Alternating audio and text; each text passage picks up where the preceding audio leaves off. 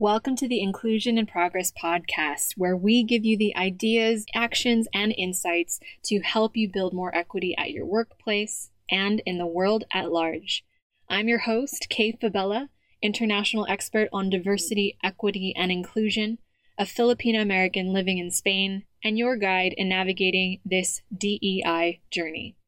Having worked with teams at companies such as Philips, the IMF, Red Hat, PepsiCo, and more, I know firsthand that the work of inclusion only works when everyone has a seat at the table. Regardless of your personal entry point into this conversation, your race, ethnicity, gender, ability, age, sexual orientation, country of origin, or educational background, we all have a role to play in creating inclusion for all. And it starts with us having conversations we need to create the change we wish to see. So let's dive into today's episode.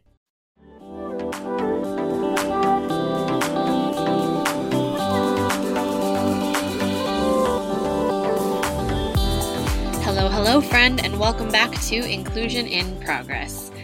So, as I shared at the end of June 2020, we'll be ramping up the guest episodes on the podcast from one a month to two, two, two, to help highlight the work that both external consultants and internal DEI champions are leading in companies to expand our collective understanding of what diversity, equity, and inclusion looks like.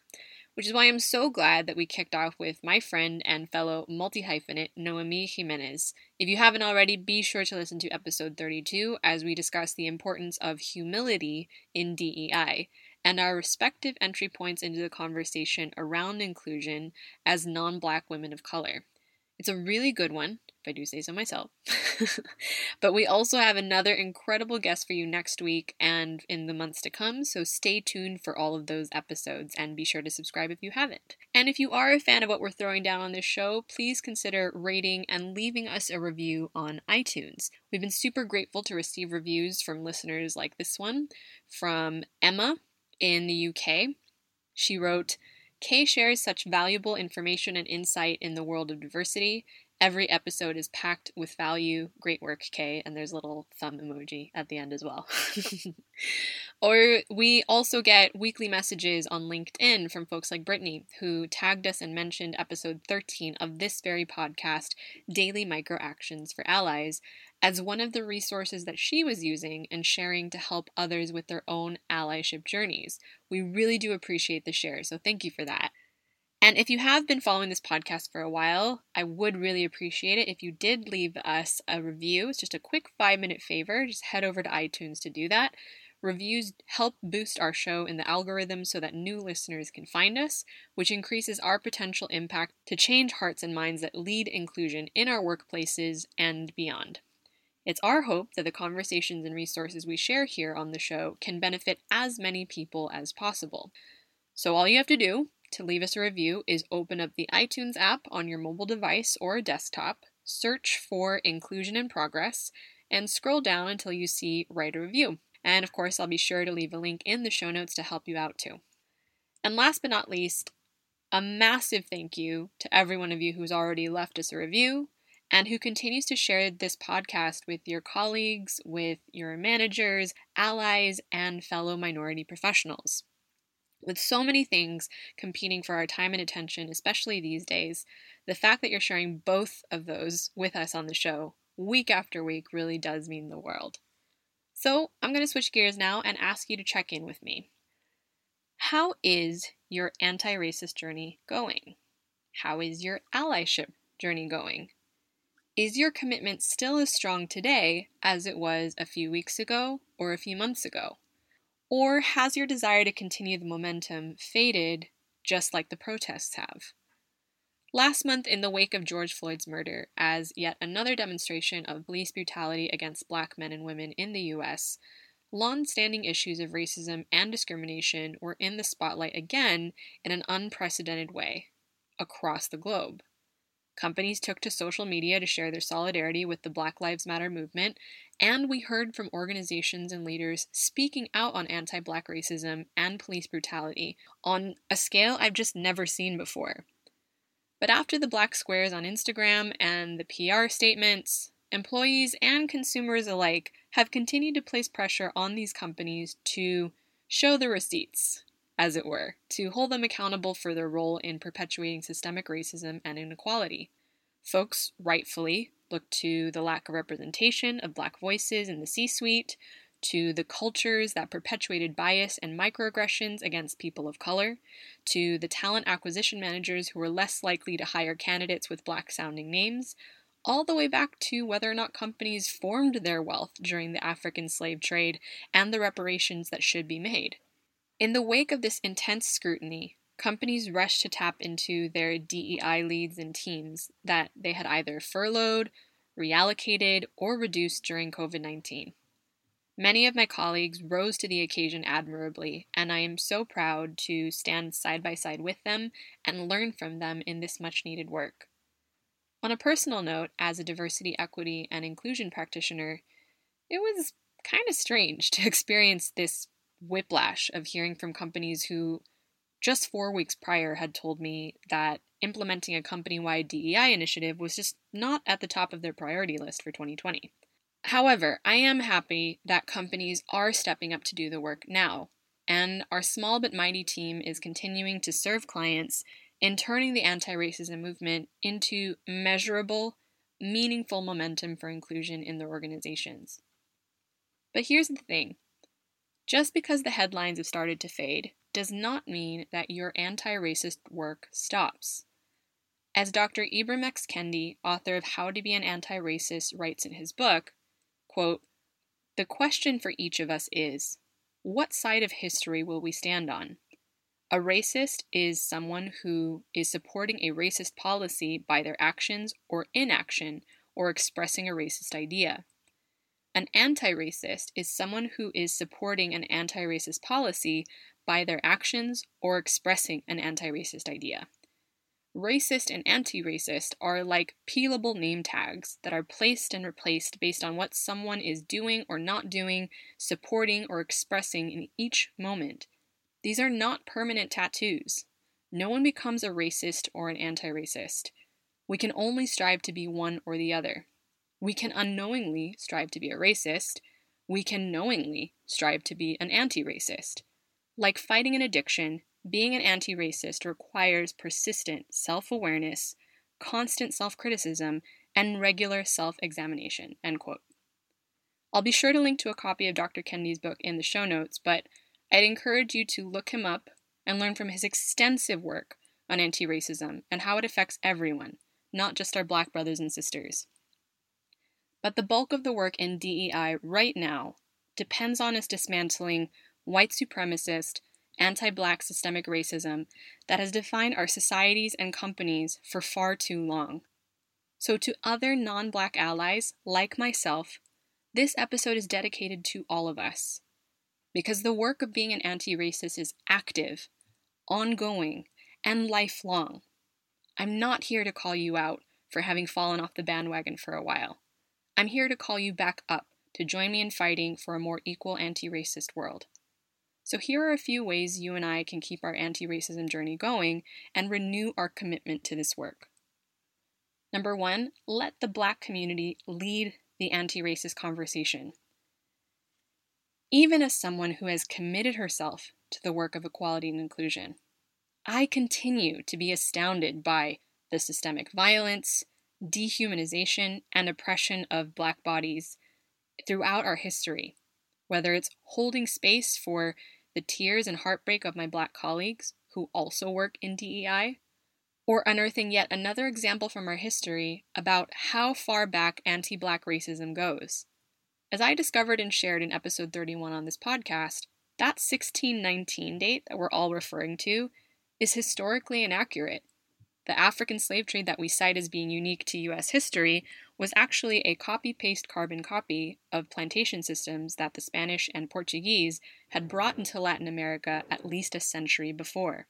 Trauma is a generational hand me down for the black community, and each instance of anti black violence or discrimination today reopens wounds that date back centuries and have never fully healed. As an empath who feels deeply, I can understand the desire to close your eyes and turn away from racism. And yes, you and I both need to pace ourselves to keep doing this work. But guess what? Black professionals don't get a say in the matter, they don't get to walk away. And more importantly, they're not asking for retribution. They're just asking for what we all want an equal playing field with equal opportunities for us all. So it shouldn't take another violent video to get you to listen to when a black person shares their story. Not every racist action is obvious or outright. Microaggressions, tone policing, being bullied or silenced at work for being black. These things are still happening every day. Every week on my LinkedIn feed, on what is supposed to be a professional network, I still see instances of white supremacists masquerading in the form of senior partners at large companies or CEOs, attempting to silence or shame black voices for speaking up, even threatening violence against them. Why? Because it's become so normalized that non minorities feel like they can get away with it without any consequences. Because non minorities, particularly straight white men, are backed by company cultures that have made them think that their words, actions, and behaviors that drive exclusion are acceptable. And if that's what I see in a public forum where you can easily track down and find the person responsible for committing that racist act, imagine what it looks like for Black professionals and leaders in their day to day interactions. Now, that's the actual work we as anti racists need to commit to doing every damn day. And it starts with listening to, believing in, and amplifying Black voices. The second thing we must do is lead with humility.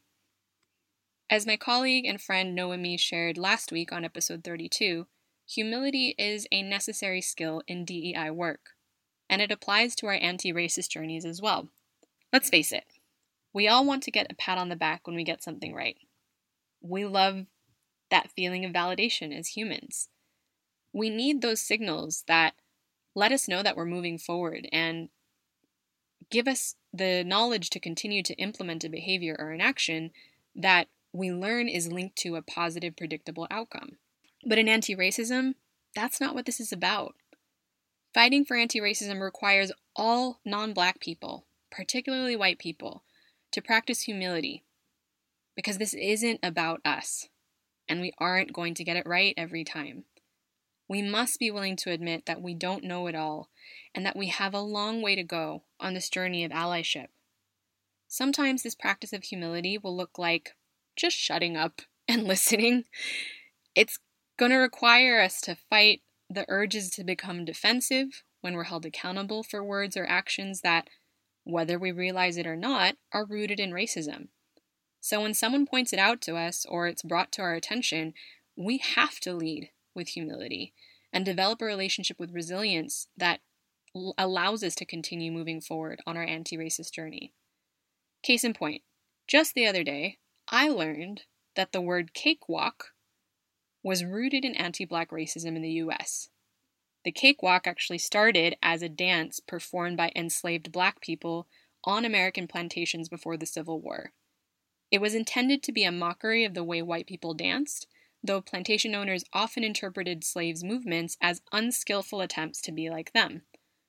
Owners held contests in which enslaved people competed for a cake. Later, the dance and the idiom was popularized through minstrel shows characterized by a high leg prance with a backward tilt of the head, shoulders, and upper torso. Fun history lesson, right? And think about it if that's a word that I'm just now learning about in my 30s, imagine how many other systemic racist concepts, conscious and subconscious, have been passed down to us without us knowing. Which is why we must work to understand why our words and actions are problematic, and be okay with continuing to learn and be corrected in the process. Sometimes it may require us to just apologize for not getting things right the bottom line is that if we want to truly stand in solidarity with people of color, particularly black people, at this time, we must be willing to admit when we're wrong and recognize how much more we have to learn. And then, with that knowledge of how to be better, we can actively work to be better as anti racists and as allies for those who need us. Having conversations about anti racism, especially in a work setting, will require psychological safety and proper containers for courageous conversations. Conversations where a facilitator has the cultural, mental, and emotional intelligence to help you get through the messy middle to collective clarity and culture change on the other side.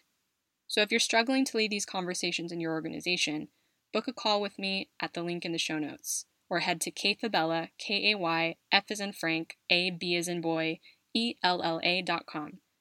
As a facilitator who's comfortable working across different cultures, ages, and backgrounds, I'm leveraging my experience as a multi hyphenate, woman of color, and immigrant who's comfortable working with global teams to help offer facilitated conversations where your diverse employees can work alongside one another to build intersectional inclusion at work. All of my DEI solutions are 100% bespoke and tailored to where your company is, what your teams need, and what you need to create systematic inclusion at every level of your organization. So, to learn more, get in touch at the link in the show notes or head to kayfabella.com to book your free consultation call with me. The third thing is to challenge others and call them up. If you're listening to this podcast, my hypothesis is that we collectively agree that anti black racism and white supremacy are wrong. It's a pretty fair premise to start with, right? So now that you've moved from that awareness into action as an anti racist ally in training, the next step is inspiring those around you to start or hold them accountable to their own anti racist journeys. I love how racial justice activist and organizer Kayla Reed summarized her definition of ally. A, always centered on the impacted, L, listen and learn from those who live in oppression, L, again, leverage your privilege, Y, yield the floor. That second L, on leveraging our privilege as anti black allies, can apply to how we donate to organizations and how we march in streets, but also to how we lead anti racist conversations every day at home and at work. The fact of the matter is that racism is a system that's been handed down from generation to generation, upheld by those in power, and supported by those who benefit from whiteness at the top and blackness at the bottom. Which means that no non black community is free from anti blackness. So make a commitment to challenge anti black racism and notions in your own community for the long haul. Highlight Black stories by sharing podcasts, books, and media with your families and discussing what you've seen and what you've learned. Speak up to older relatives when they lean into outdated stereotypes or preconceived notions of the Black community. Wherever possible, surround your children with diverse voices in their education and in their circle of friends. At work, lead and develop a shared definition of anti racism and how your organization can work together to keep the momentum going. As you engage in this process, ask yourself and your constituencies at various levels of your company to define what anti racism looks like. They could be through town halls, through surveys, focus groups, through your anti racism working group or your DEI leaders. The goal of this process, no matter where you're sourcing this information, is to arrive at a shared clear, compelling vision of anti racism that everyone has a hand in creating, especially your senior leaders. That way, regardless of the level you're at in your organization, this shared vision of anti racism inspires every single person to take part and take ownership and responsibility for protecting this vision. Last but not least, make a push for expanding diversity, equity, and inclusion to every single level of your company. Your company can't just get by with a one off unconscious bias training or a press release about how you're honoring Juneteenth at work. Measures like this are a good first step to raise awareness and signal boost your company's role in building inclusion, sure. But your organization's anti racist effort must be backed by a strategic, sustainable commitment to DEI. Otherwise, your company will erode your hard won trust with your current and future stakeholders, employees, and clients who are very happy to take their time and resources to companies that are aligned with their anti racist values and demands. There is no passive way to be an anti racist. So think of it as a choose your own adventure scenario. Whether it's at home or at school, at work, or in your own business, it's now up to you and me as anti Black allies to keep our commitment to inclusion going. Lives literally depend on us committing to and doing this work for the long haul, so let's keep it going. Now, there you have it the three ways that we can keep our anti racism journey going as non Black allies at home and at work. The first being let the Black community lead the anti racist conversation. The second being lead with humility. Getting it wrong is part of getting it right. And the third is challenge others around us and call them up to join us in this work. Our work in diversity, equity, inclusion, and belonging is needed more than ever. Allies, especially non black allies like you and me, all have a part to play in leading others to the change we wish to see on the other side.